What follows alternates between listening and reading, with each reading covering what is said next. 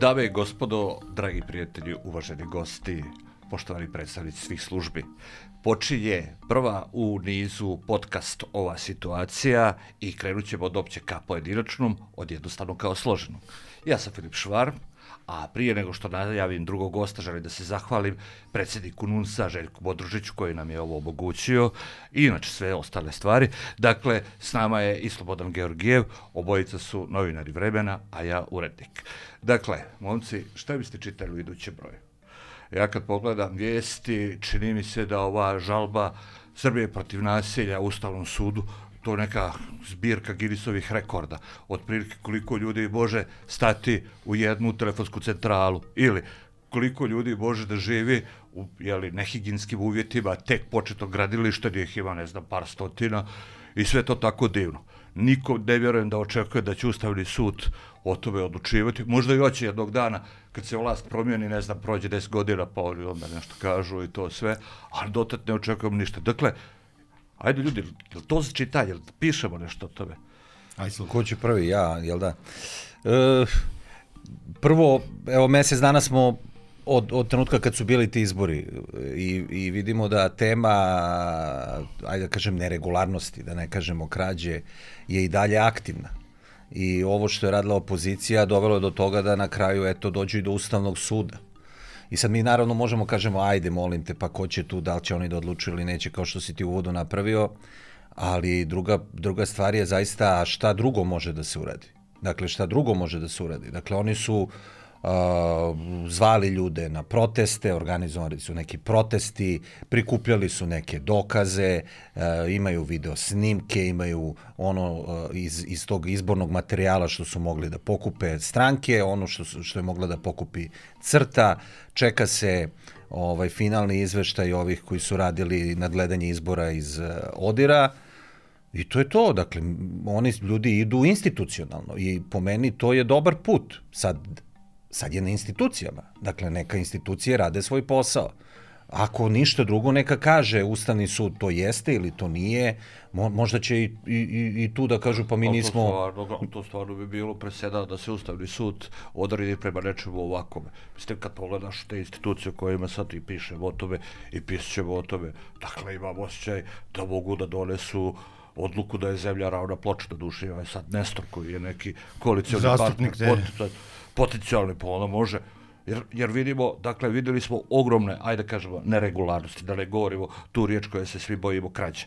Dakle, vidimo ogromne neregularnosti, vidimo da Murija, ne, policija, ne reaguje. Nikome nije sumnjivo što u jednoj zgradi se odjednom ima 500 stanovnika, a bilo recimo 300. I što su ljudi prijavljeni na, na banderu.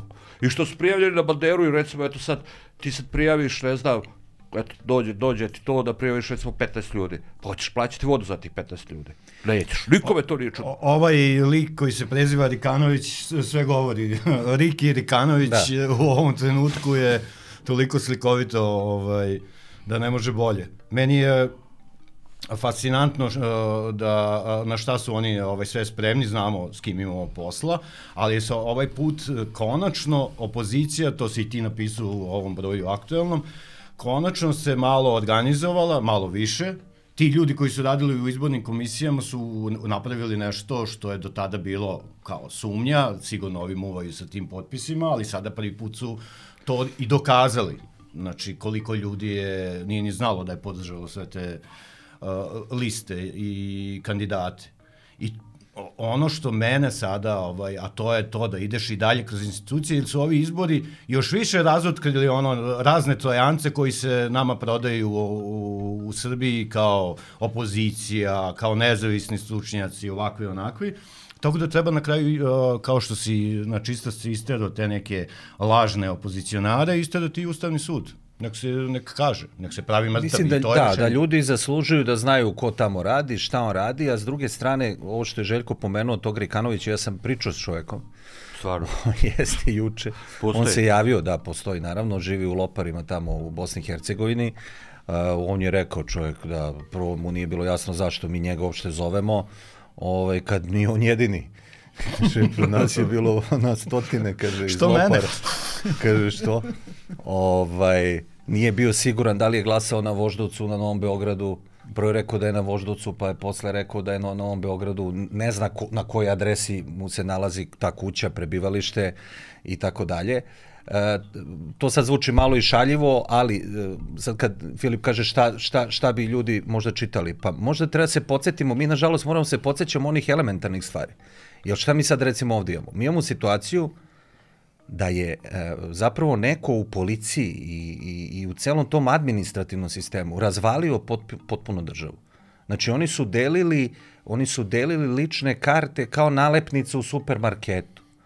Dakle, mi znamo i verujemo u to, dakle, da, da, da ti kad imaš ličnu kartu, da je to stvarno neki dokument.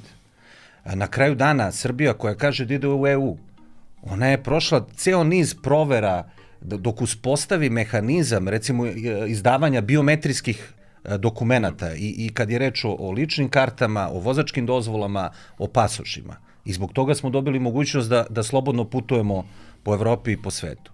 A šta, šta nam ovo govori? Da tu nikakve veze nema. Znači ti možeš da dobiješ ličnu kartu i bez otiska prsta i bez, bez prijavljenog boravišta. Što ne bi?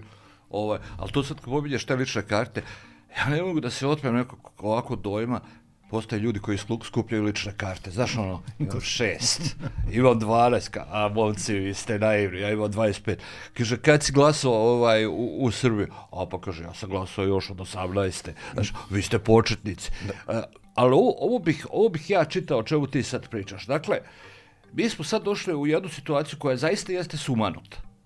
A, prvo te, e, te lične karte. Ali to ova ekipa ovih e, e, izbornih inženjera, ajde ih tako nazovemo. Dakle, gdje mora biti Martinović, gdje mora biti Gašć, ili kao, kao ministar policije i ta ekipa. Dakle, oni to ne mogu da naprave bez podrške, a to je armija ljudi, to, ni, to nisu dva čovjeka u MUP, u, u, u ministarstvu za državnu upravu i lokalnu samoupravu.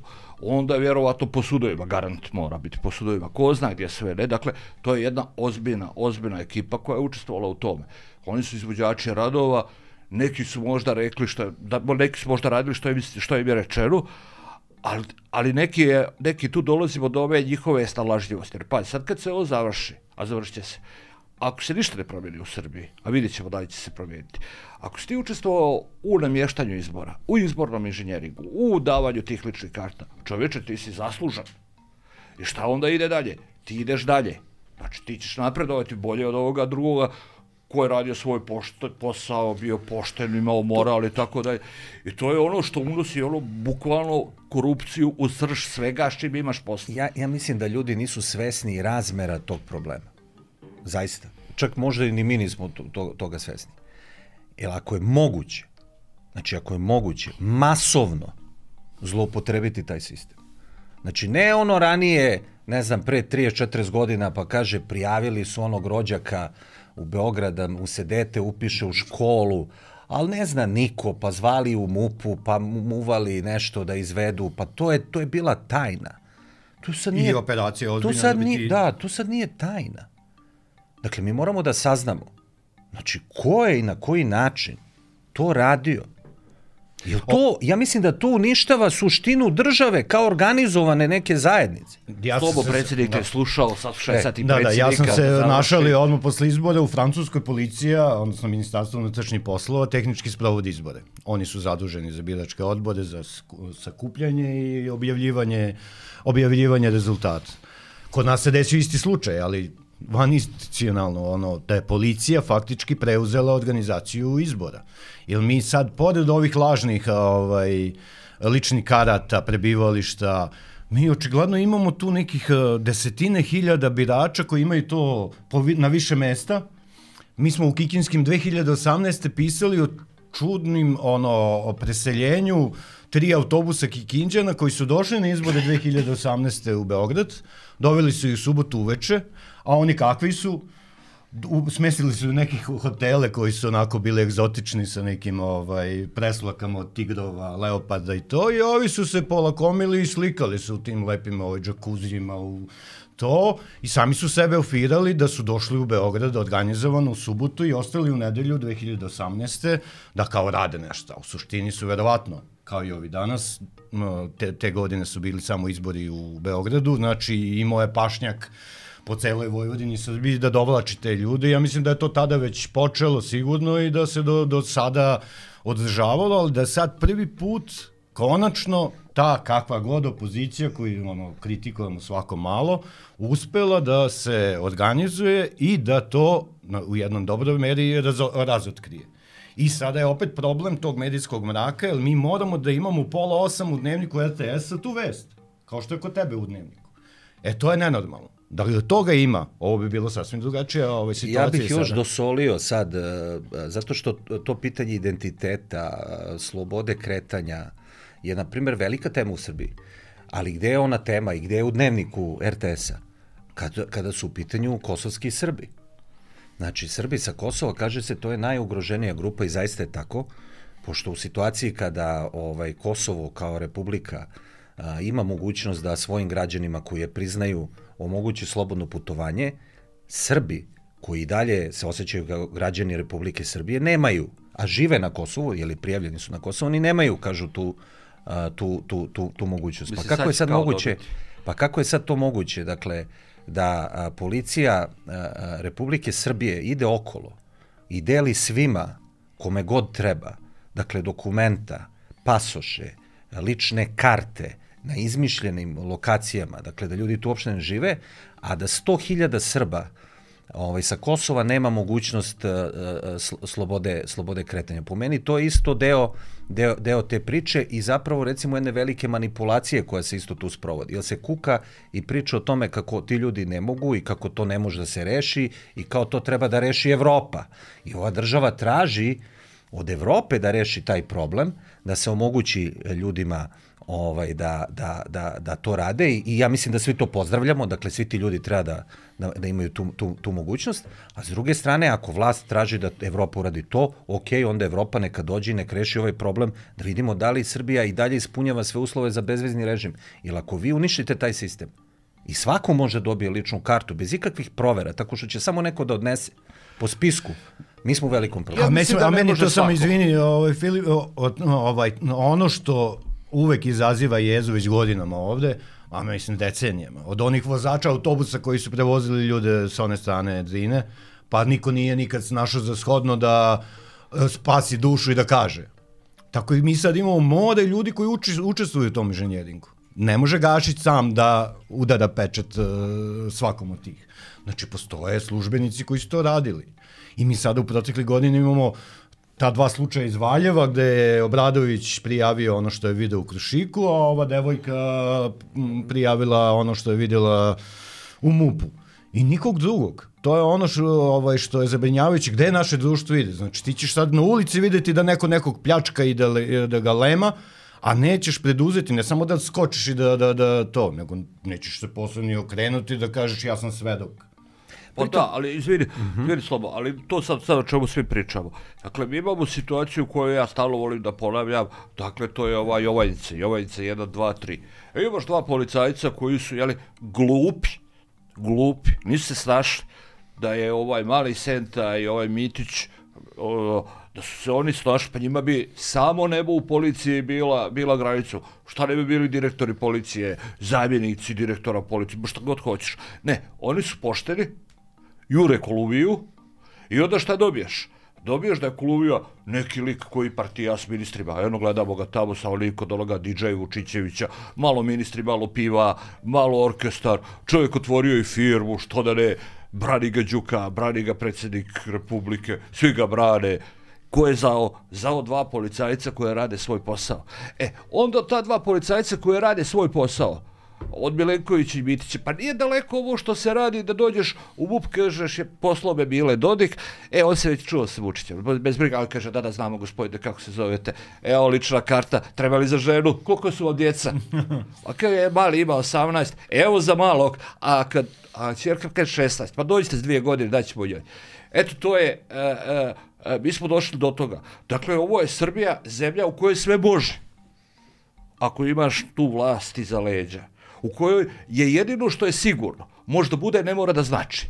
Dakle, ko vjeruje u ovim izborima? Pa ja vjerujem da, da u ove izbore ne vjeruju ni ovi koji su glasali za, za, za režim. Da, ali postoje stvari koje se pomeraju, dakle, i koje imaju prosto svoje posledice. Ja mislim da je posledica ovoga što sada gledamo, uh, situacija, ja to apsolutno mogu da zamislim, da sutra uh, uh, se javi neki čovjek koji kaže, evo mene su izbacili iz moje kuće u kojoj živim 100 godina, zato što je došlo petoro ljudi koji imaju sva dokumenta da su oni u stvari vlasnici te kuće, da oni tu žive, oni su svi tu prijavljeni, dve familije, da su u katastru upisani. Ne zaboravite da je naš katastar kompromitovan prošle godine, dakle da je isto hakovan bio. I mi ne znamo šta se do kraja sa tim uh, dogodilo, zato što postoji ta vrsta zatvorenosti institucija jer ne žele da govore kao što sad trenutno se dešava sa EPS-om. Dakle, uh, bukvalno ono kreiranje potpuno, ako ti kreiraš, ako praviš menadžment izbora, pa ti, ti možeš da radiš šta god hoćeš. Znači, ali zaista, evo neka mi neko dokaže da nije tako. Da neće sutra izbacivati ljude zato što će reći ova do, dođi na seli ove ovde, ove izbaci šta, koga, koga briga. Kako ćeš ti dokazati da je to tvoje? Ako dođu dve familije i kažu mi smo, evo, to, evo ja imam bre sa imam policijom. lične karte, i- imam sve, zašto ti živiš u mojoj kući? Sad to zvuči nemoguće, ali nama je izgledalo pre 10-12 godina. I to je ono što su svi pričali, kao, barem niko neće da krade izbore. Da. Ne, ne, Kaže, ne, ne radi. i- Ne rade mnoge stvari, ali vidi, izbori, ok, to smo nekako promenili od 2000. godine, pa sad kome bude, ko osvoji većinu, neka vlada i tako dalje. Mi sad vidimo u ovih 10 godina da to više nije slučaj. I sad ti ako to možeš, tu volju da, da, da preobratiš i da nemaš odgovor ljudi u institucijama, u redu, onda neka se ljudi spreme za mnogo gore stvari koje će dolaziti. Predsjedniče, imate repliku, želite nešto da kažete ili da ja kažem? Ti kaži, nemam šta da dodam, ono Pa, evo, što... ja bi da dodam, ja bi sada dodam, meni je e, zvijezda srpskog pravosuđa, dakle čovjek koji pomjera standarde pravne nauke, dakle Vladimir Đukanović Đuka, on bi sad da hapsi Rašu Nedeljkova i, i Crtu. I sad, što bi hapsio? Pa kaže, uzdemiravaju narod. Zašto uzdemiravaju narod? Pa kaže, kažu da se na ovim izborima da je bilo manipulacije, dokazuju ljudi, imaju cifre, imaju imena, imaju sve, i sad bi to Đuka da hapsi. Ja nekako razumijem Đuku. I on je na svoj način u pravu. Dakle, šta imaš da te lasaš? Šta imaš ti da pričaš? Jel to tako bilo? Jeste, želimo sreću predsjedniku u Davosu i tako dalje. A onda, opet pomislim i na Vučića u Davosu. S njega tamo neki pitaju, dođe tamo neki stranci, ono ministri, predsjednici, šefovi država, vlada i tako dalje. Ono, a brate, koliko si drpio, koliko si ukrao. Onda Vučić priča, ne, ne, na- nama trebaju investicije, nama treba transfer zala, autoput, ekspo, što god. Ma, dobro je to, vidi, ma malo ono razmjerimo iskustva i tako dalje. Ja mislim da je on u toj situaciji. Ja ne znam ko, ko ok, nikoga, mi živimo u Srbiji, ne žive ni Njemci, ni Francuzi, niti žive njihovi političari, ako je nama dobro i njima još bolje i tako da je ali kako, kao da ste uhvatili u nečemu, znaš, kao ono, o, malo si prljao po licu, pa ti niko neće da ti kaže, ne znam, imaš ono supu na kravati, ono, pa svi kao nešto glume, znaš, onaj si malo gost na slavi, ali koga moraš pozvati, ali nekako ti baš i nije najdraži. Ja imam da se on tamo tako osjeća. I onda, a Đuka skače, prosto da, da čovjeku tamo ne, ne, ne, pozli u devosu, ne znam, da mu ne presjede sve to. I to zbog čega? Zbog čega? Zbog Rašine Deljkova. Šta sad ti nama kažeš da treba da vidimo taj, tu situaciju sa Đukom, jel? Da. Pa ajde Da da vidimo on, situaciju, čitali to sa Đukom. Đuka, ajde prvo Željko, pa ću ja, ja pošto sam malo pregovorio. Jel bi čitao to? Đu- Đu- uh, Đuka radi ono što ja mislim da oni svaki dan imaju taj neki ovaj Apsolutno. štab koji zaseda i po- podela zadataka ko će gde ovaj javnost da uprava. otačbinska uprava mini ovaj gde će koja javnost u tom trenutku ko da usmerava jedan segment radi Đuka drugi Krlo treći ne znam nija ko ovi sa Pinka, s Happy-a dobijaju isto zadatke, to se vidi, po- ponavljaju se ti svi. Tako da Đuka ovo što ra radi sa Rašinom Deljkom, to je deo te ce- cele njihove strategije da potpuno negiraju ovo. Mislim, tu im pomažu i ovo, kao, i sa ove s druge strane, pre neki dan je ovaj, jedan od lidera ovih opozicijone desne partije rekao kao, na Republici to čak i da su ukrali 100.000 glasova, kao, ali ne možeš da stigneš.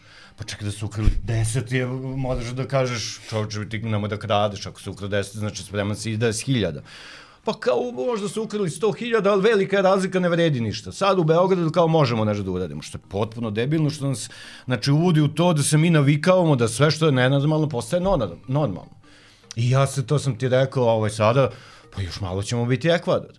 Znači u nekom trenutku te sve grupe koje oni uh, kako zove hrane. hrane, koje održavaju, kojima daju legalne poslove da se ono održavaju, a čini mi se da država drži ove nelegalne, a da je prepustila ovim vodećim ovaj tako da kažem kontroverznim ličnostima iz sveta podzemlja da vode ove neke uh, legalne poslove, on će u nekom trenutku reći pa ne mogu više da budem u tvojoj senci i da ja na televiziju. Što da ne? Kad si pomenuo ovog Đukanovića, meni je žao što su njemu ukinuli taj televizijski program. On ono na kafi je bilo. On je imao cool. taj svoj koji je radio i pre toga na radiju, znači tako, ono, i dođe nešto priča, pa uključuje ljude, dovodi nekog predsednika treći, ono, ravno, ravni, ravna zemlja, svetske zavere i tako dalje. Ne znam zašto mu je to ukinuto. I on je sad da ostavljen... Ne izvini, izvini, žalit ćemo se. Da se Đuki tako, vrati, da se vrati emisija. Da mu se vrati program.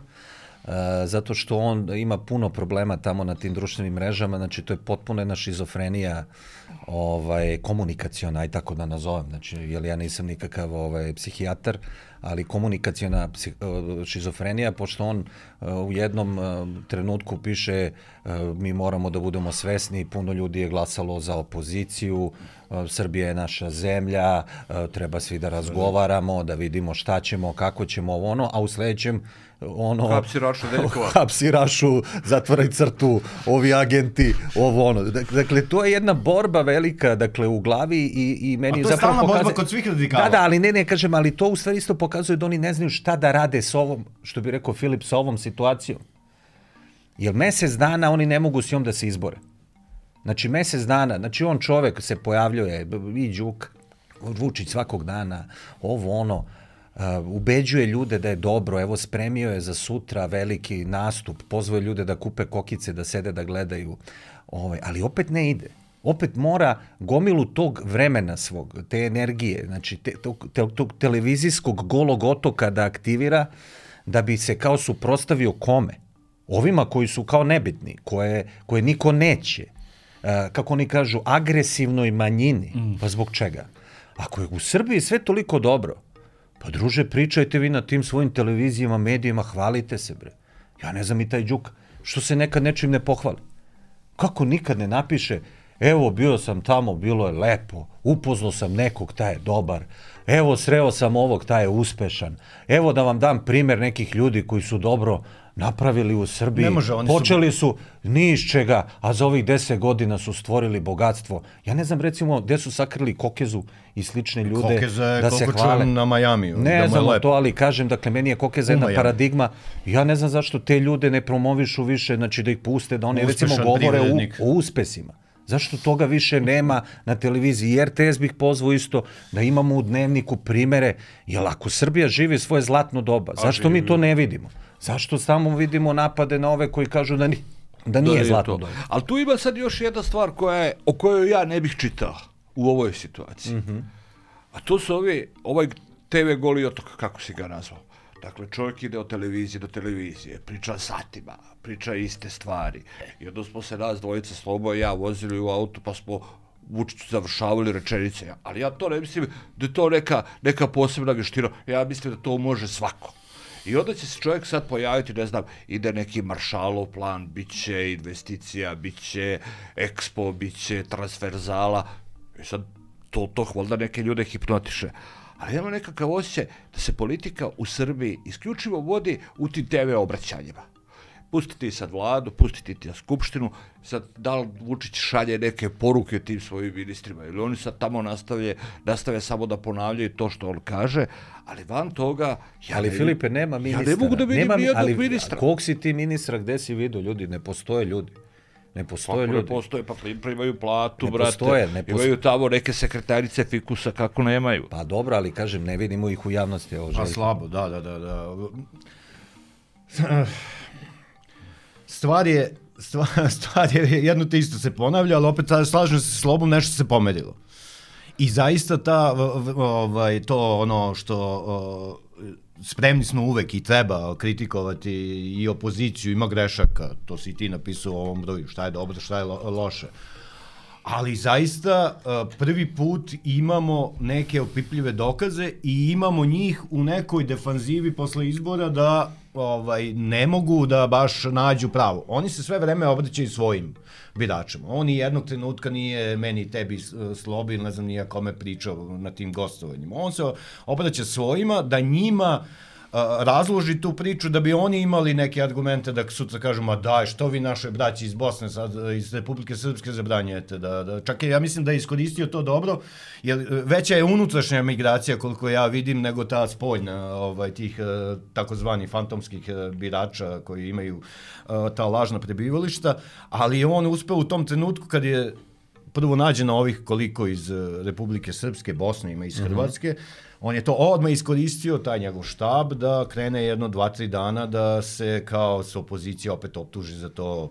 Zavađaju, zavađaju. Zavađa narod, zavađa, zavađa srpski narod, je najgore. Srpski Zava, rod. Srpski, srpski svet. Rod. Srpski svet se klima i sada je ovaj on kažem ponovo samo svoje kako svoje da da da da koji su nemaju drugog izbora. Ti ideš po Srbiji, ti ideš po Srbiji, odeš u neki hotel sad dole, ti jednostavno kad upališ ulicu televizor, ti nemaš šta da gledaš, je li tako? Ne postoji. Ja Ali ima, to, ne, ne, da... ja sam to bio svjedok. Uh, dakle, to je bilo ono nekoliko dana poslije izbora. Dakle, ono kad se kuvalo, bili su velike demonstracije, ljudi su izlazili ispred Rika, bila uvijek gužva, ja sam bio unutrašnjosti i upalim televiziju, imam nekih 6-7 kanala i nekih lokalnih milion. I krenem sa daljinskim upravljačom 1, 2, 3 da nađe bilo kakve vijesti. Nađem ja neke vijesti predsjednik Vučić, zahvaljujući predsjedniku Vučić koji je poklonio seljaku junicu. I to Stean, Steonu, oni su to dogovorili na sastanku, evo tu je njegov izaslanik, načelnik okruga, koga god hoćeš, ima toga koliko hoćeš, ali suštinski nema ničega. I zaista je teško kad pričaš sa ljudima koji imaju tu medijsku situaciju, ne prate ljudi vijesti kao mi. Mislim, današnje vreme imaš internet, dakle ti možeš da se informiraš ako zaista želiš, ali to treba zaista da želiš ali opet ljudi bi morali da imaju one bakar tačne, bazične informacije koji će pomoći u životu, makar da znaju za koga glasaju. E to je ono što izostaje u ovoj Srbiji. Postoje potpuno dvije neke paralelne, uh, paralelne stvarnosti. U unutrašnjosti mnogi ljudi će ti pričati, čućeš o tome šta se dešava na lokalu. Ne dešava, ne dešava se ništa dobro. I oni znaju ko su ti ljudi. Znaju ko se u posljednje dvije, tri pet godina ono enormno obogatio, ko je, nemam pojma, držao kiosk sa dva stolića, a sada ima, ne znam, tri botela, hotel, šta god. To, I to ćete oni pričati sa lokalu. I to je nešto što mi ne znamo. Ali ti ljudi na lokalu, kad pričate s njima, oni vjeruju da je, da je nešto sasvim drugo u Srbiji, da je nešto sasvim drugo u Beogradu eto, ne može Vučić sve da stigne, ne zna on to, nije kriv Vučić, kriv je ovaj lokalni, kao eto, krivo su ga savjetovali i tako dalje. I mi imamo potpune dvije paralelne stvarnosti. I samo kad se vratimo još na, na ova TV obraćanja, jeste, jesu ona, jesu ona upućena e, vlastitom biračkom tijelu da ga učvrsti, da, da sad ovi propagandisti nastave to da ponavljaju ko papagaji i tako dalje. Ali oni imaju još jednu drugu svrhu a to da se potpuno zamuti voda. To je potpuno da se građanstvo izludi. Jer ti sad, čekaj čoveče, pa e, šta radiš, imaš ozbiljnu postizbornu krizu. A, raspravlja se o, o izborima u Srbiji i u Evropskom parlamentu i u Bundestagu. Dakle, zadnji put kad se raspravljalo o Srbiji, bili smo valjda pod sankcijama i da. bombardovali su nas. Ali imaš... Mi smo u toj situaciji. Naša, imaš... I samo da završim. Uh mhm. -huh. ti, I onda poslije se ti pitaš, dobro, gdje živim? Čemu, E, ovo što si sad pokrenuo, zapravo to je jedno sociološko po meni pitanje, a to je zapravo ko, ko, kojim grupama, ovo što je rekao Željko isto, znači kome se ko obraća. Ja ne verujem da je Vučić preterano srećan posle i ovih rezultata. Prvo, on zna najbolje koliko je na mestu. On zna prave rezultate. On zna prave rezultate. Jasno je njemu kakve ima rezultate. Znači, može onda priča šta god hoće kad sedne ovaj, e, sa slikom Sneška ispred sebe, on vrlo dobro zna ovaj, koji, su, koji su rezultati izbora, koliko je morao napora, energije, novca, svega da uloži da bi došao do nekog broja a, birača. On i dalje, on i dalje, on i dalje ima veliki broj realnih glasova, ali ko su ti ljudi koji glasaju, koji glasaju za, za njega? Dakle, prvo to su ljudi najsiromašniji i penzioneri. Dakle, to su ljudi, kako da kažem, koji imaju neki sentiment prema nekom svom životu. Ko je taj sentiment? Kad je bilo njima dobro? Pa kažu, bilo ti je najbolje ono kad je bio Tito. I mi vidimo da je njegova jedan deo njegovog nastupa je Tito. On je u jednom periodu se borio da li da bude Tito, da li da bude knez Mi, Miloš. Ne, ne, Jedno ne, ne, ne, ne, ne, bio je, bilo je tu više. Dakle, htio je biti Tito, a onda je htio da bude uh, Milan Stojadinović. To je bilo jedno. Ali on je nepoznat. Ali, Milan a čekaj, čekaj, čekaj. A onda, a onda je tu bio Klez Mihajlo, znači ono koji je bio vizionar. Ali to, ne, ne, ne, ali to je sve ljudima nepoznato. Da. Znači, Mada ljudi, ljudi znaju, ljudi znaju u posljednjih 200 godina bio je uh, Karađorđe, bio je Miloš, bio je Pašić, bio je Tito, bio je Milošević. To je, to je ono što u- prosečan čovjek... Upravo si, upravo si. Bio je Miloš kad je bila ona politika vrdanja. Znaš, Pa ne, pa to- kako to je- je Miloš vrdo sa Turcima, tako ja je vrdam sa on, Europskom unijom. tako je, on se Kad klanja njima kad se okrenu, on ih izbode. E. E. znači, ali je napustio tu i prešao je u fazu Tita. Zašto, zašto u fazu Tita? Pa zašto je Tito lepo živeo. I on hoće lepo da živi. I on sad stvarno lepo živi. On stvarno lepo živi. Fali mu samo taj brod. Dakle, on je najavio, recimo, meni to zanimljiva vest, on je najavio da će, Ana Brnavić je rekla da će u februaru onda napravi jednu stratešku turneju po Africi. I onda bi bilo zanimljivo da vidimo da li će da putuje nekim avionom ili brodom. Ja onda bih da recimo Dobrić Ćosić. ja bih savjetovao, ima ih, ima ih. ovaj, ja bih savjetovao da on ide brodom. Znači da to traje i možete zamisliti koliko će tu biti sadržaja za Instagram recimo sa tog nekog eh, putovanja. Ali da se vratimo u ovu našu realnost. Dakle ima tu grupaciju. A, on je izgubio na neki način srednji sloj, osim ljudi koji su primorani da glasaju za njega, rade u javnom sektoru. Ili koji su Jel on ima, da znači, ra- on je imao sada situaciju, znači u 2023 u Beogradu, da protiv njega protestuju ljudi koji najbolje žive u Srbiji. Koji najbolje žive u Srbiji. Tako da je on... Ja na mislim da pretjeruješ. Ne žive ti ljudi najbolje. Znači, kad pogledaš ko najbolje živi, to, to onda, to je ekipa koja je blisko vezana sa vlašću. Dakle, to je čitav jedan sloj ljudi koji ima privatne biznise, I stvorio je on jedan uh, srednji sloj Sloj, svojih nije, nije on stvorio, ja ne znam sad da li je to srednji sloj. Ja mislim da je to jedan viši sloj. Da je to ono što bi oni rekli elita koja je potpuno negdje van, eh, van naše vizure. Dakle, to su ljudi koji rade sa državom, to su ljudi koji eh, mogu do kredita, koji imaju povlaštene poslove, koji prave, koji grade, koji se ugrađuju. Ja mislim da je to ekipa koja najbolje živi. Ja ne znam koliko je ima. Pa nema tih ljudi milion, Pa Filip. nema ih milion, ali imaju veliki uticaj. Ma nemaju uticaj. Znači on je probao, recimo, ja mislim da se on slomio onda na tom svom kontramitingu onda u maju i on posle toga više nije nije imao nikakve ni pokušaje da napravi slične slične događaje.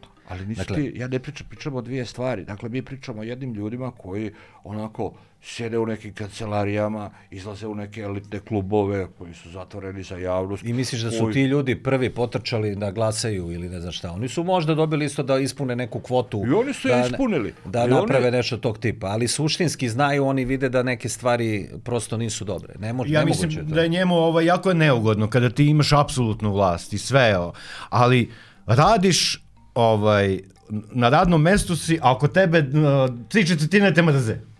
Znači, on ži- živi i radi u okruženju neprijateljskom, tako da kažemo uslovno rečeno Aleksandar Vučić. Jer svi oko njega u Beogradu, on na svom biračkom mestu gubi sa 3 prema 1, Ana Brnabić svom, to je tu gde je u priča. predsjedništvu, tu tek tu ovaj, o, o, okružen je sa ljudima to, e to je ono što njega muči i što bi on voleo nekog jednog dana da dao bi možda ovih e, 600.000 glasova što je izmislio da, da dobije poštovanje tih nekih ljudi ovde. To je pokušavao i koliko puta da bude gradonačelnik Beograda da, da dobije to neko i posle 2012. na, na tome je malo izleteo jer su mnogi sa ove građanske scene rekli evo ga neko ko se promenio, ko je prihvatio naš program, ko hoće da nas uvedu u Evropu, a istovremeno ima taj background nacionalistički, on može da se izbori sa ovim razno raznim ludacima, daj da ga podržimo. Međutim, Tad je bio da je gol.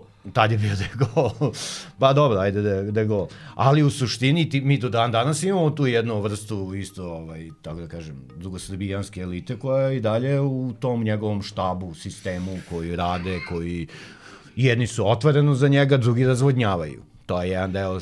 Ovaj... To, je, to je jedna strategija koja, koja postoji na ovome kao dijelu, uh, da, da tako kažemo to, da se razumijemo, nisam član jedne partije, ali, ili, nije ovaj dobar Vučić, ali pogledaj ko je protiv njega, pogledaj ko je protiv njega, pa onda ima, ili se krade, krade se, kad se nije kralo. To su te... Pa od ovih to- na društvenim mrežama, Znači, znači... to postoji da. ta jedna situacija, znaš, što god pokušavaš da uradiš, da je nešto dobro, da, da otvoriš neki dijalog, uvijek ti se neko pojaviti i onda šta, i onda ti Ali dobro, zapravo... to, to, je, to je odgovornost medija najveća. Znači, tu je odgovornost medija najveća, e, dakle, to, pritom to nije samo kod nas, dakle, taj e, način e, e, formiranja takozvanog diskursa, odnosno pravljanja tih priča, u čijoj osnovi je relativizacija. Dakle, na prvom stepenu. Na prvom stepenu je relativizacija. To je to, da ti To su pokažu... apsolvirali, da. Da nam pokažu kako to sve isto, nema svrhe, kao i ovo. Pa zašto vi sad idete tamo? Pa mi znamo da oni ne rade. Ne, oni imaju obavezu da rade. Sad se vraćam na početak priče o, o, o Ustavnom sudu. Ustavni sud ima obavezu da, da ima, pa, pa neka kažu, neka se izuzmu, neka odlože, ali moraju da donesu neku odluku. To je njihova obaveza. Imaju ti tamo ljudi koji se zovu, ima ime, prezime, čak imaju i one odore koje nose kad odlučuju i tako dalje. Znači oni moraju to da rade i mi moramo da insistiramo na tome da oni rade. Bez obzira što možda znamo, ej, kao to, pa, zat, pa ja mislim i ovi ljudi koji su u političkom životu, kako da kažem, kao idemo na izbore, oni isto možda negde znaju, čuče, pa kako ćemo mi da pobedimo kada mi nemamo, nemamo tu, tu moć. Znači, mi nemamo odbore, mi nemamo, znači, evo, ka, kaže u Kikindi koliko znaš op opozicionara. Jel sme neko da se bavi da, opozicionim delom? Mislim da je to- Jel, jel ga prizna da. neko? Ili kažu, ti si bre ludak, znam onog, to, to je poremećeno, nije normalno, šta će ti u opoziciji? Znači, to- to mislim da nije- je ono gledajući sa, sa, iz te perspektive ovaj, lokala, gde je zaista scena potpuno razrušena, Sad ja uzimam Kikindu kao primer, živim tamo naravno i, i Kikinda je bila baš eh, tokom 90-ih rasadnika, ono ne znam nija, raznih političara koji su posle došli do Narodne skupštine sa svih strana. I bila živa politička scena sa jakom ligom, sa jakom demokratskom strankom, DSS-om, radikali uvek eh, kod nas u Banatu su bili jaki, bila baš ono ovaj scena. Mi smo došli sada u situaciju da ja ne znam ko, kako oni mogu uopšte da sastave tu lokalnu listu.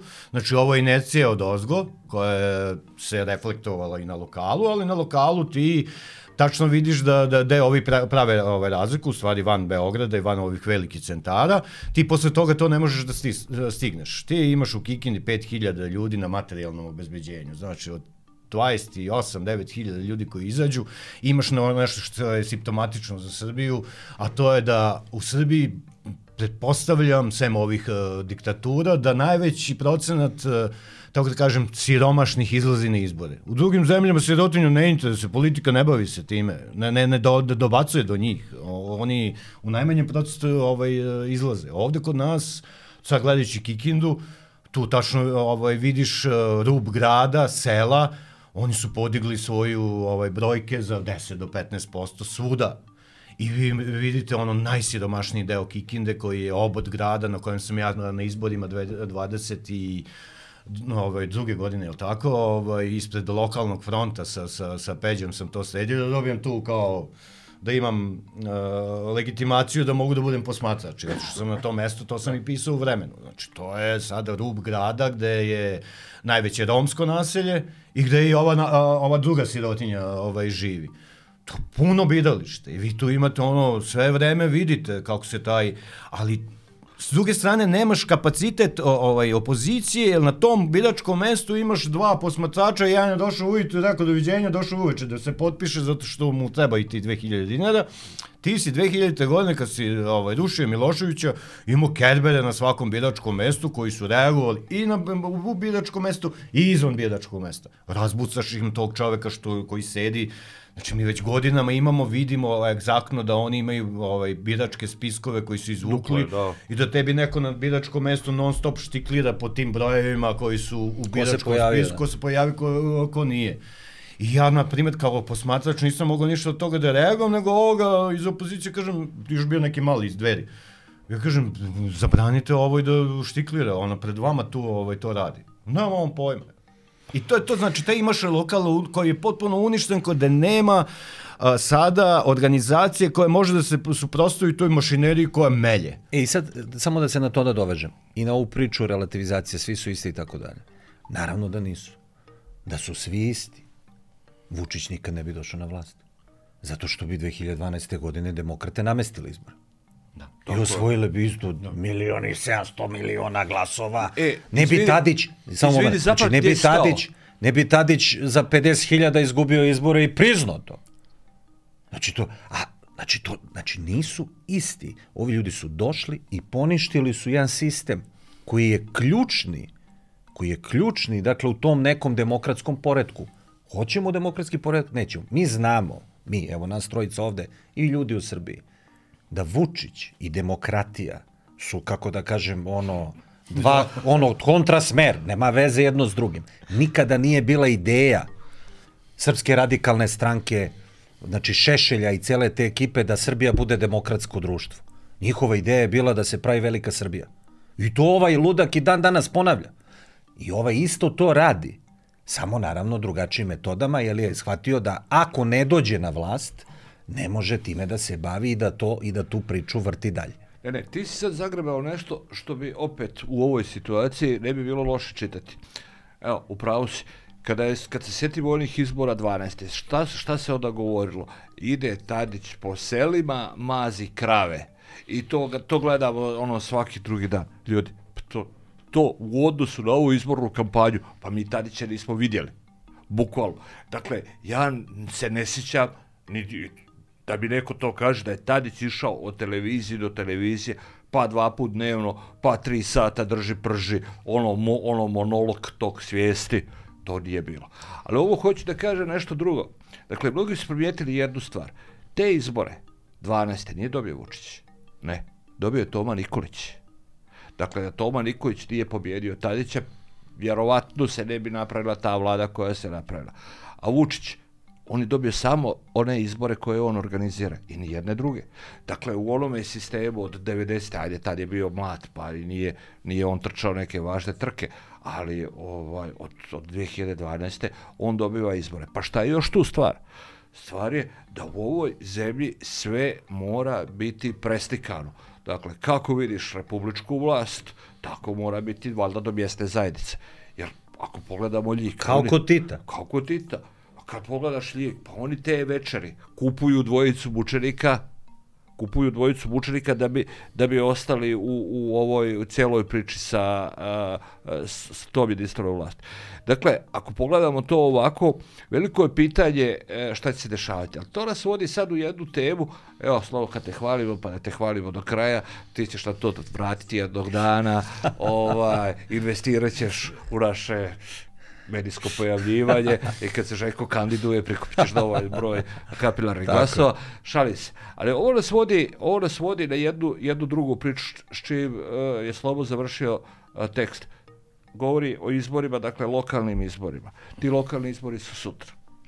Ja ne vjerujem da će se bilo šta promijeniti. Ne vjerujem da će se bilo šta medijski promijeniti. Ne vjerujem da će se uh, nešto promijeniti kada je riječ o biračkim spiskovima I sad ta crda mučena opozicija treba da istrči na lokalne izbore, vrlo vjerovatno i ponavljanje ovih beogradskih izbora. I sad je pitanje kako to uraditi. Već čujem da postoji neka bojkotaška ideja koja je potpuno sumanuta, kao ako mene neko pita sumanuto i odbiti mandate. Pa ko odbiješ mandate, brate, što si išao na izbore? Da, to je ovo simptomatično, ja sad gledam, ja sam samo na jednoj društvenoj mreži, znači ovi svi koji su hejtovali ovu Srbiju proti nasilja pred izbore, sad su oni u, prvi, u prvim redovima da ovi ne prihvate mandat.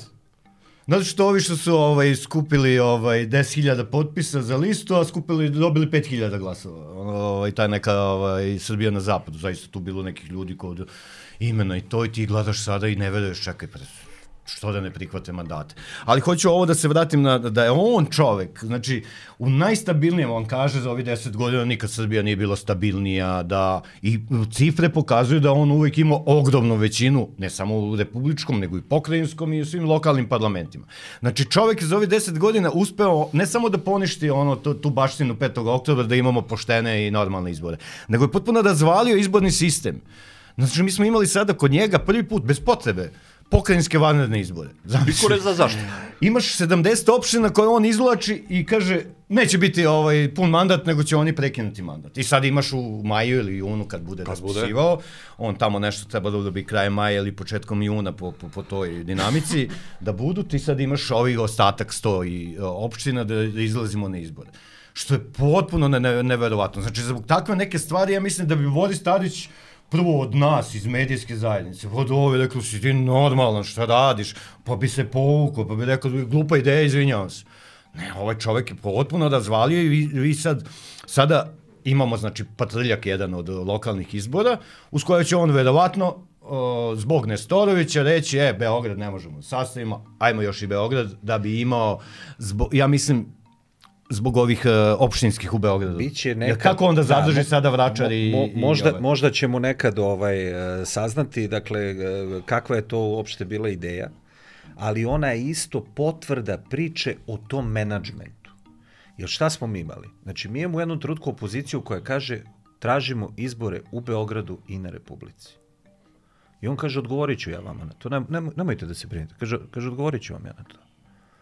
I onda se pojavi i kaže, bit će izbora u Beogradu i Republici kao što se tražili, ali bit će izbori u pokrajini i bit će u 75 gradova i opština. Što niko ne zna. Da, I, I nemamo, što kaže ono, ima odluka, ono, kako, kaže, kako radi administracija, doneli smo odluku, ali nemamo obrazloženje. I nemamo A ja mislim da u, pravnom lijeku. tako je, Da. a, a u tom obrazloženju koje on Uh, uh, ovaj, evo, bit ću njegov medijski savjetnik, bolje da da sam javno nego sutra pred tužiocem. Znači, on treba da objasni šta je, kakva je ideja bila sa tim igranjem. Zašto onda, ako si već išao na to, nisi sve izbore imao u totalu, ili ostavio. I kažeš, sve u redu, zapeli su ovi, imali smo problem u Beogradu, Ja sam inače rekao da će ova moja vlada da traje dve godine, vidimo nekako ovu zimu ćemo da preguramo, nije toliko strašno ko što sam vam pričao, evo vidim niko ne umire od, od gladi, od, niko se ne smrzava, pričao sam o tome, ali evo, srećom, hvala Bogu, nije se desilo. I ovo ostalo ide na proleđe. On je promenio, ide, promenio je plan. Ima razloga zbog čega je, a mi vidimo da je razlog te promene ovo što, što, sad, što se sad dešava. Znači, napravljen je jedan menadžment izborni e, koji je doveo do svih tih neregularnosti i to se sada, i to se sada vidi. I zaista bi bilo dobro da on kao ozbiljan čovek ovaj, izađe i objasni kako je on do toga uopšte došao. A da ne ulazimo dalje u priče njegova uzurpacija, znači uzurpacija biračkog procesa, koja je isto dokaz neregularnosti. I to sad vide ljudi, ljudi u svetu. Znači, to je sad svima jasno. Kažu, čekaj, druže, bre, pa kako? Pa ti si predsednik, pa to ne, po... ali to ne postoji. Znači, ne postoji. Pa ne ide Macron u Nicu da se kandiduje. Ili u dobro, Re. Ne ide u licu, nego Njegov prijatelj. ne ide ni prijatelj, E, nećeš nigdje vidjeti, ne trebaš to da ideš u Francusku, pogledaj okruženje, Tako da to su sve, ja kažem, ovo je sve okej, sve se to vidi, sve se sad to pokazuje. Ti si rekao izbori, da li će se nešto promeniti?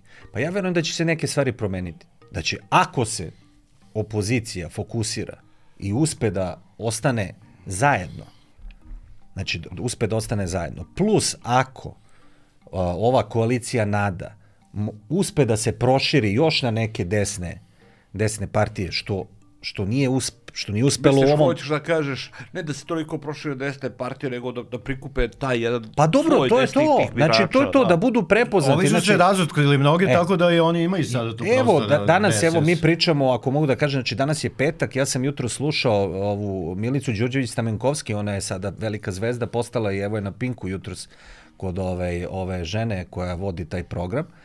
A, ona, ka, ona je žena rekla zašto nije formirana a, zajednička, a, zajednička lista. Ona je to jutros rekla. A to je zato što ona, na taj način su zavetnici sprečili da se ponovo formira DOS. To je bila njihova misija. Ona kaže, jednog dana kad se bude pisala istorija, da. videć, znači ona je žena, pri... ono što su ljudi govorili.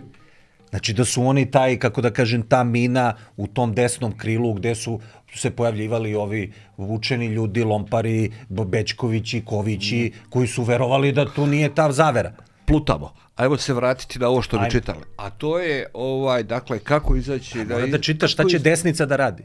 Pa dobro, šta će e. desnica, ali ja govorim kako, kako možda izađeš na izbore, brate, izađeš na još jedne izbore, odgledao si odgledao si izborni inženjering, mm -hmm. maksimalni, dokle, ako doveze u Beograd, tako su dovozili, onda što neće ponovo.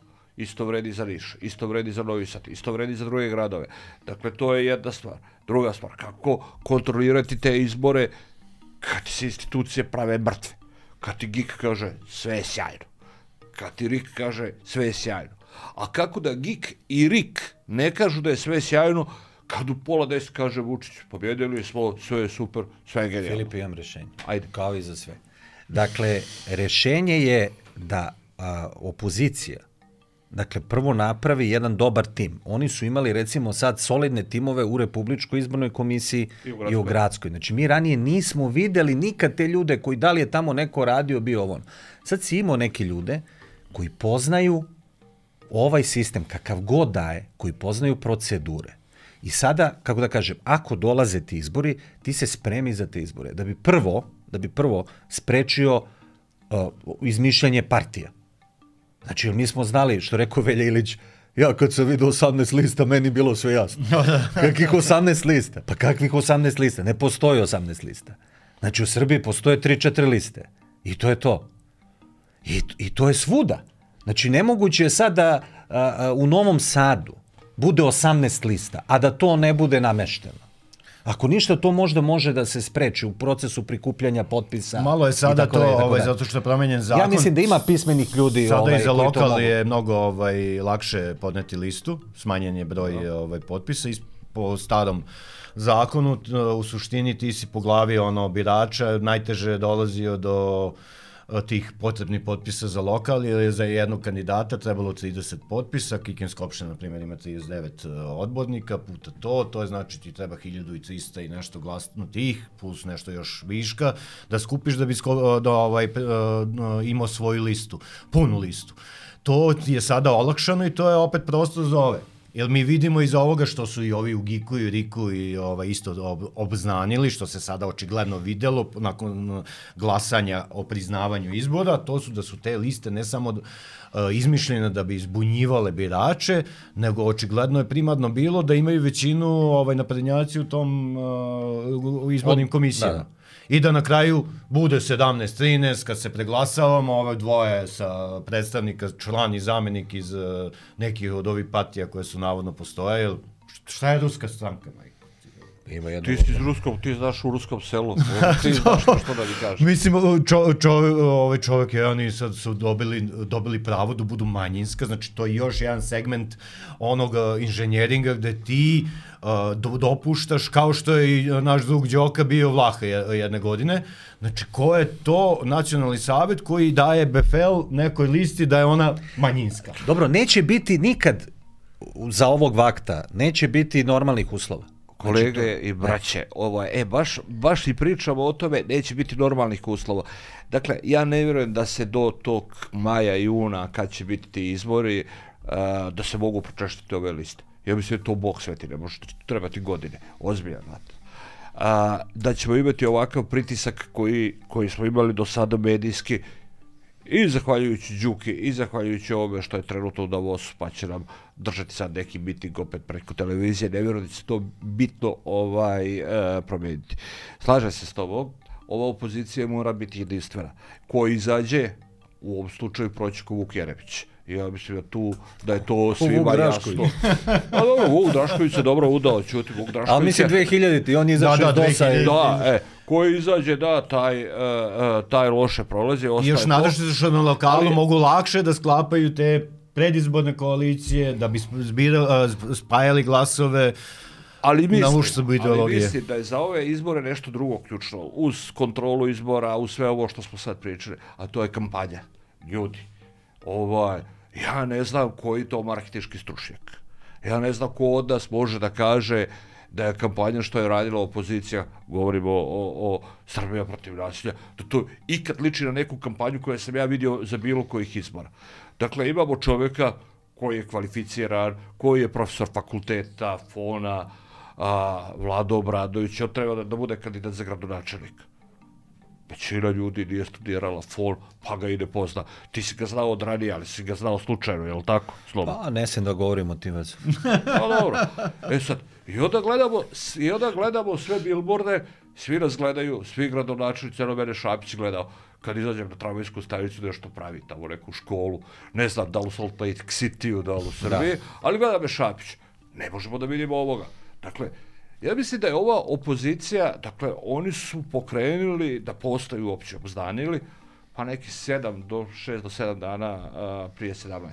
I tad su kao bili neki spotovi to je to. Do tada ih nisi mogao da nađeš. Dakle, da li će da li, da li je ta kampanja, da li ta kampanja, ako bude kao i dosad, onda džabe, džabe su krečili. Prosto oni moraju imati neku kampanju, a imaju Bogu hvala na čemu da je naprave. Nažalost imaju.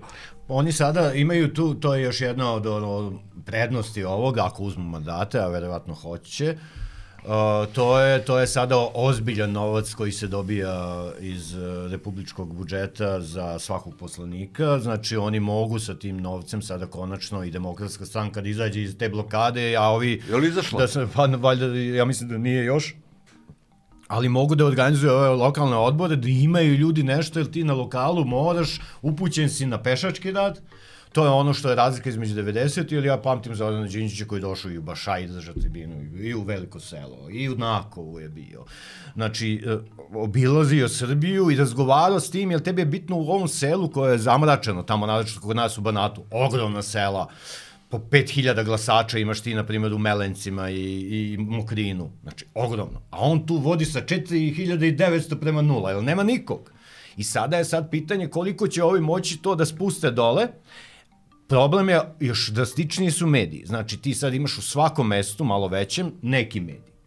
Tici 90-ih imao većini gradova neki slobodnu televiziju, radio i novine. Si da, ti danas, evo, uzmemo Kikindi, o tome ću u ovaj, sledećem broju ovaj, pisati, jer sam pregledao sve dnevnike lokalne, jedine lokalne televizije, sve sam novine ovaj pročitao, sastavio ovaj tako da kažem izveš, izveštaj i statistiku. Znači oni više ni, ni ne trude se da ono naprave mali privid kao. Jednostavno ta dva medija, tri o, na lokalu u Kikindi, ljudi nisu dobili ni osnovnu informaciju ko je kandidat opozicije na listama ovaj za izbore. Odjedan put sad imaš dvoje, dve poslanice koji ta strana uopšte ne zna ko su ove. A, ali ima još jedna stvar, dakle, koja je čak možda i veći problem od toga. Zašto je nemoguće to porediti s 90. Pa, Sloboda Milošević se nije kandidovao 94. godine u Mokrinu. Jel tako? Nego je bio onaj neki njegov kandidat tamo koji je bio direktor one keramike da, ili one firme da, koja se tamo kik... Toza Marković neki bio i on je to. Nije Milošević išao, kaže, mene stavite, ja nisam on, nema veze s tim. Znači, ovde se trči na svakom nivou sa Vučićem, što je isto neregularnost. Kako nije? Oni isto, kažu da je to radio i Boris Tadić. Znači, što je, što je isto Zvala i neregularnost. Znači, neregularnost. Ja ne znam da li opozicija to može da se izbori s tim. Vidjet ćemo i na kraju dana. Do, doći će i taj izveštaj posmatračke misije. Oni će dati nešto. To će biti neki pritisak To ne znači pa, da će... Vučić je rekao znači, da ovo posljednji da, da im da ime. Sam, znači, ne znači... Uh, rekao, rekao porekao je, rekao, rekao, nema veze. Rekao da neće bude predsjednik. Dakle, ovaj... Dakle, na primer, u ovim, sada u ovoj kampanji, bilo je promenjeno 30 dana nema funkcionerske kampanje. Da li je to do kraja bilo tako? Nije, ali je bilo, kako da kažem, promenjeno. Jer oni stvarno nisu, ako se setite ranijih kampanja, on je imao bukvalno dve nedelje pred izbore. On je svakoga dana otvarao, metar, metar, puta, nema veze. Zaposlili smo dvojicu tamo kod onog stranca, idemo da, da, da se on s njima pozdravi i tako dalje i to su bile centralne vesti. Zato on promenio strategiju, jer to nije mogo da radi, pa je sedao na televiziji, pričao svoje priče, svoje bajke, Da li to možda se promeni? Ne verujem da može se promeni. Ali možda, možda se utiče na ovo da ne stoji tamo Vučić na svakom plakatu, pa onda da vidimo. Jer ljudi tamo na lokalu kad vide Vučića, neki se uplaše, u smislu bolje da glasam za njega, a neki kažu, pa ja i ne mogu da se kandidujem protiv ovoga, kakve ja imam šanse, čoče, ono, šta vredi da mi stavite i sliku što kaže Filip, druže, on je bre svuda, ono, nemam ti si, ja. Ti, ti si ali, na ovim. Je, ali tu je još jedna druga stvar. Dakle, ti čitavo vreme uh, vodiš uh, predizbornu trku sa nekim ko nije kandidat ni za šta. Pa da. To ne postoji. Dakle, kad je Tadić bio, Tadić je jeli, skraćivao mandat, da bi bio i on kandidat, pa da bi povukao i tako dalje, znamo kako se završilo. Ne, ovaj čovjek sjedi u predsjedništvu, obavlja svoje uh, državničke zadatke dnevne i ove druge i praktično agitira čitavo vreme.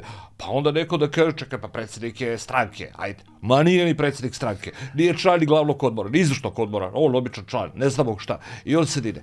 Šta nas do toga dovodi? I to je ono što je velika opasnost. Dovodite do toga da ti u Beogradu, na primjer, ili na nekim od ovih općina gdje su bili izbori sad, a ama ne pričaš ni o čemu od onog, o onome o čemu, o čemu ti živiš. Evo recimo, ja bih čitao o, o, o ovome metrou. Sjećamo se da je Aja Jung kupovala kartu za metro i oni drugi. Pa bio i ovaj doktor Radojičić koji je bio gradonačelnik, pa tad metro samo što nije.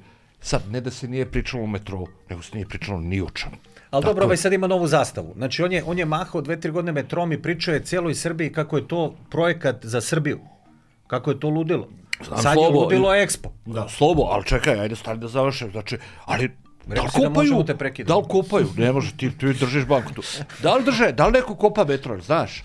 Ma jok, sad Šapić obećava se taj tunel na od da. ekonomskog da. fakulteta do botaničke bašte koji prolazi kao ispod, ispod grada da sa tim novim mostom.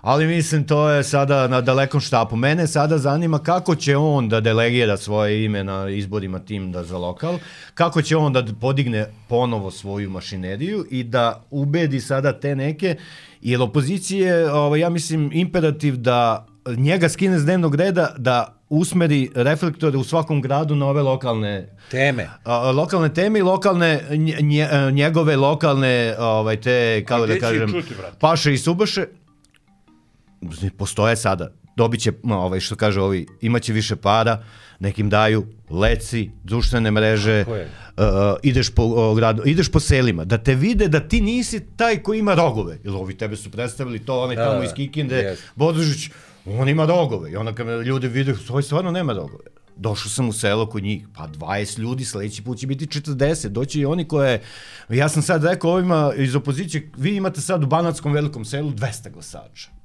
Bum napravili u, u selu. Otkud tih 200?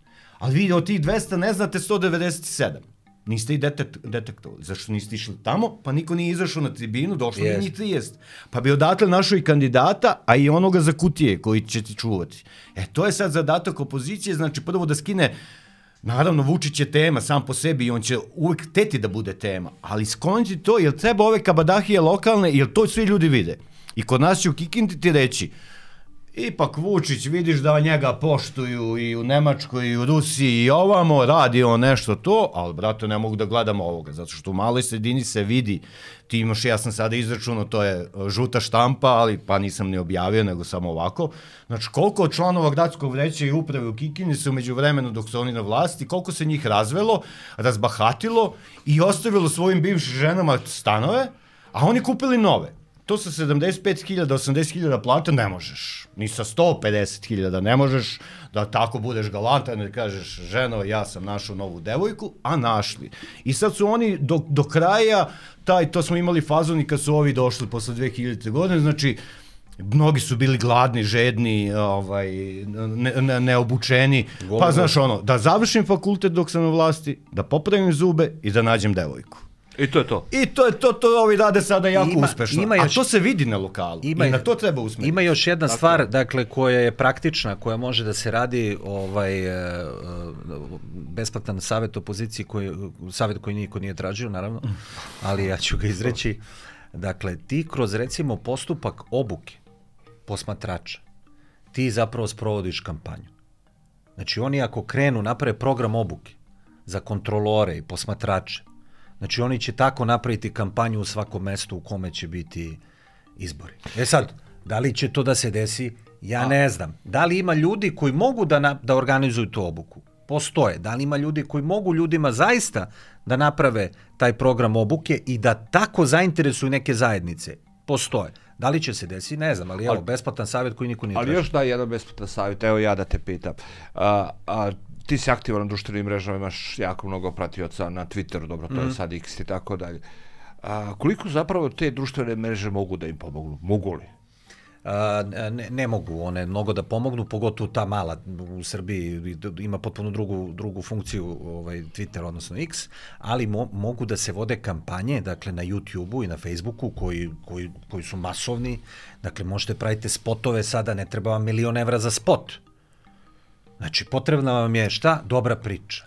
I znači, ovi, treba, ovi što i se do sada 100-200 evra, ti možda boostuješ lepo na Evo, lokalu sa evo tim ovo parama. što su sad recimo radili, ovo što su išli i snimali ove ljude. Ovo to je bilo... Kaže, ko živi tu? Ona kaže, živim ja. Pa kako vi kad tu ima 200 prijavljenih?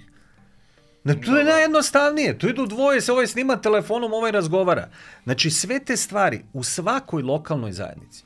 Imaš gomilu laži, imaš gomilu obećanja. Oni su sad dovatili, a, pre dve nedelje rekli Bijela mrzi be, ove ljude iz Beograda i Barajevo je Beograd i tako. Pa dobro, okej, jeste Barajevo Beograd. Pa ajde odemo u Barajevo da vidimo šta, šta je Barajevo dobilo ovaj, od Vučića. Oni su od 2013. godine na vlasti u Beogradu. Da ne računamo da su na vlasti u 2000, ali u Beogradu su 2013. Pa evo nek odu tamo i kažu evo da vidimo ljudi. Šta ste vi dobili ovde? Šta je on vama donao? Se dobili nove škole, se dobili nove puteve, je vam bolja ambulanta? Pa šta su ovi dobili moji Šta ste dobili? preko Ne, ne, svako. Ajmo. Ajde da vidimo šta ste dobili. Nema nikakvih problema. Krnjača. Mi ćemo da pohvalimo.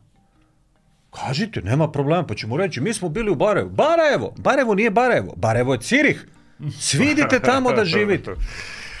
Dobro, znači kada ovako sve to pogledamo imamo šta da pišemo, da ćemo pisati, to ćemo da vidimo. Ovo, znači šta mi čitam? Nešto, da, da, ja bi nešto i o spotu pisao, ali sada je košarka, futbol je malo zamro, ali košarka je zanimljiva, uh, u ovom broju smo malo samo pomenuli, ali je uh, fascinantno, ovaj, zaista dva kluba igraju u Beogradu pred punom arenom, to se Partizan je, na primjer, postao baš planetarni fenomen sa tom ovaj, košarkom, jer ti sada, moji klinci idu na utakmice ovaj, Partizana i e, mnogo je sad svaki put sve više i više tih turističkih gledalaca, koji ono, Partizanu sada treba navijanje, ali oni se slikaju, selfie, ono. e sad, to je s jedne strane fascinantno, s druge strane imamo problem šta će reći ova bogata Euroliga, da li joj trebaju klubovi koji nemaju zagarantovan, ovaj, kako se zove, budžet do sledeće godine, jer sve zavisi od jednog čovjeka. Može sledeće godine, evo, Partizan je imao MTS reklamu i sada poslednje dve utakmice nisu naručili nove dresove, nego imaju prelepljeno ovo, sa nekom belom trakom preko MTS-a. Znači sad, da li se naljutio ovaj iz eh, Telekoma, eh, ko, šta, kako, a Euroliga traži sigurne financije i sad ovaj kaže, podučujem ovaj. Kao, pa tu je Buda, Dubaj, tu je London, Pariz, zato imaju para, košaše, mogu, kažeš, treba za licencu 100 miliona, kaže, evo. A ovde Čović mora da stoji Pa dobro, ali to je isto taj čeka. paradoks, ali to je isto taj paradoks Vučićev. Dakle, on hoće da ga tamo vide, jel to njemu mnogo znači, jel on se time hvali, kaže, evo što smo napravili, kaže, gledaj kakav to igra. A onda se ti ljudi skupe u toj hali i viču protiv njega. Znači, skandiraju, skandiraju, vređuju ga. I to je jedan paradoks kojim on ne može da se izbori. A zašto mu, zašto mu skandiraju? Zašto skandiraju protiv njega? Zašto, zašto skandiraju protiv njega? To on treba da nam odgovori. Kako je moguće da ti kažeš da si ti obezbedio? I on sigurno možda kaže njima, možda kaže ostoji, vidi, nema problema, vidi, koliko si rekao, 20 miliona je budžet, ok, 100 miliona, imaš 5 sezona, javi se tamo Bodirog i ovima, imaš 100 miliona, znači love, 5 sezona si u Euroligi bez problema. Zašto se to ne dešava? Zašto se to ne dešava? Pa zato što ništa od toga nije realno. Čak i ta publika nije realna. Ne zato što ona loša ili sad ne znam ja navijam za zvezdu pa kao ne volim partizan. Ne, tu se nije realno. Znači nije realno. Gledamo te zbunjeno, zašto nije Pa realno? nije realno zato što taj klub kao zvezda u futbalu on, je, on, on, on nije samo održiv. Sad imamo ovde pored nas jednog eh, ovaj, navijača Partizana koji se mršti Jel, i reći će pa ne, kaže pa mi smo skupili, mi smo skupili kaže novac preko eh, godišnjih karata. I Meni je to sve u redu. Ja, ja navijam da skupe oni zaista tako i da probaju tako da se, da se, da se, da se organizuju. Ali svi znaju da bez velikih sponzora to nije dovoljno. Osim ako se ne desi čudo i počne Partizan da prodaje dresove svojih igrača kao Ronaldo i onda i od toga zaradi ne znam, ne znam kakav novac. Ili dođe velika američka televizija i kaže mi hoćemo da prenosimo na ESPN-u da. utakmice Partizana, da platit ćemo vam 30 miliona dolara za pet godina i tako dalje. Hoće se to desiti? Neće se to desiti. Dakle, i, taj, i to je jedan balon. Dakle, Da, da, balon koji... treba da posluži isto njemu, dakle njemu, u propagandne svrhe, da se priča, jer je, ti si rekao društvene mreže, mreže, da se priča u celom svetu, pa Beograd je super, kaže, pa to je top. Jel sad, Dobro, mislim, vrlo je ja, teško... Mislim, sada idemo predaleko. Pa brate, dobro, razumeš, što je sad si analizu, ja ti dajem analizu. Meni je to kao ovaj... Razumeš, kao- njemu, vidi, znači mi kažemo, Evropski parlament je protiv Vučića, doneće rezoluciju, pa je li to bitno? Pa kažemo, bitno je, zašto to utiče tamo na javno mnjenje, tamo biraju te ljude on. A on kaže, pa ovo utiče još više na javno mnjenje tih zemalja. Jer oni gledaju na društvenim mrežama kako je ludilo u Beogradu, kako je sve mnogo dobro, svi hoće da dođu na utakmice Partizana samo da vide to navijanje ili šta se već tamo dešava. Tako da eto, svako se bori na svoj, na svoj način. Ali ja sam sada ovaj baš sam fasciniran ova poslednja utakmica je bila ovaj dramatična Partizana sa Makabijem naravno bilo je dobrih poteza za sve, ali komentator kaže u jednom trenutku, kaže, proradio je srpski inat, kaže. A njih pet na terenu Amerikanaca koji igraju u crno-belom dresu. E sad, to je s jedne Možda i oni su svi Da, dobili je, lične dobili su, karte i da, pasoš. E, i to. Da. Gde je glasao Kevin Panter? Nije Gde je glasala žena Marka Jarića, bivša, kako zvala ona manekin? Brazilka. Kako se zvala ona? Ne. Adriana Lima. Adriana. Lima Mali, razumeš foru. A ovaj, gde je glasao ovaj, Ralph Fiennes? Na kom biračkom mestu? Pa on je u ovoj uh, čudnoj zemlji iz filma, ovaj, kako se zove, Harry Potter. Ovo, U drugoj dimenziji. Njegovo ime se ne izgovara. Evo, ovaj čovjek što je izmislio recimo kompjuter. Da, da, da. Voznijak, kako se zove? on je- Gde je on glasao? To bio- Ili on? Ne, ne, oni Novi nisu, ne, ne, ne, oni nisu glasali lokalnim izborima, oni su glasali samo na republičkim. Ima tamo u Sijetlu. Jedan, A, prijavio se znaš, tamo, se dobro, dobro. Dakle, ovo je bila ova situacija, vidite o čemu bi mi da pričamo i o čemu bi da pišemo, dakle, o izborima, o Europskom parlamentu, Bundestagu, boga mi i o sportu. Ja se izuzimam od ovoga mišljenja Slobodana Georgijeva oko balona i tako dalje. Ima tu ljudi koji vole partizan. Ja nisam među njima, ali oni su jači i veći od mene, pa onda ću reći da ipak se ne mogu složiti sa slobom. I ovaj, nastavit ćemo iduće nedelje u ovom ili nekom sličnom formatu. Ćao. Ćao, hvala. Hvala ti.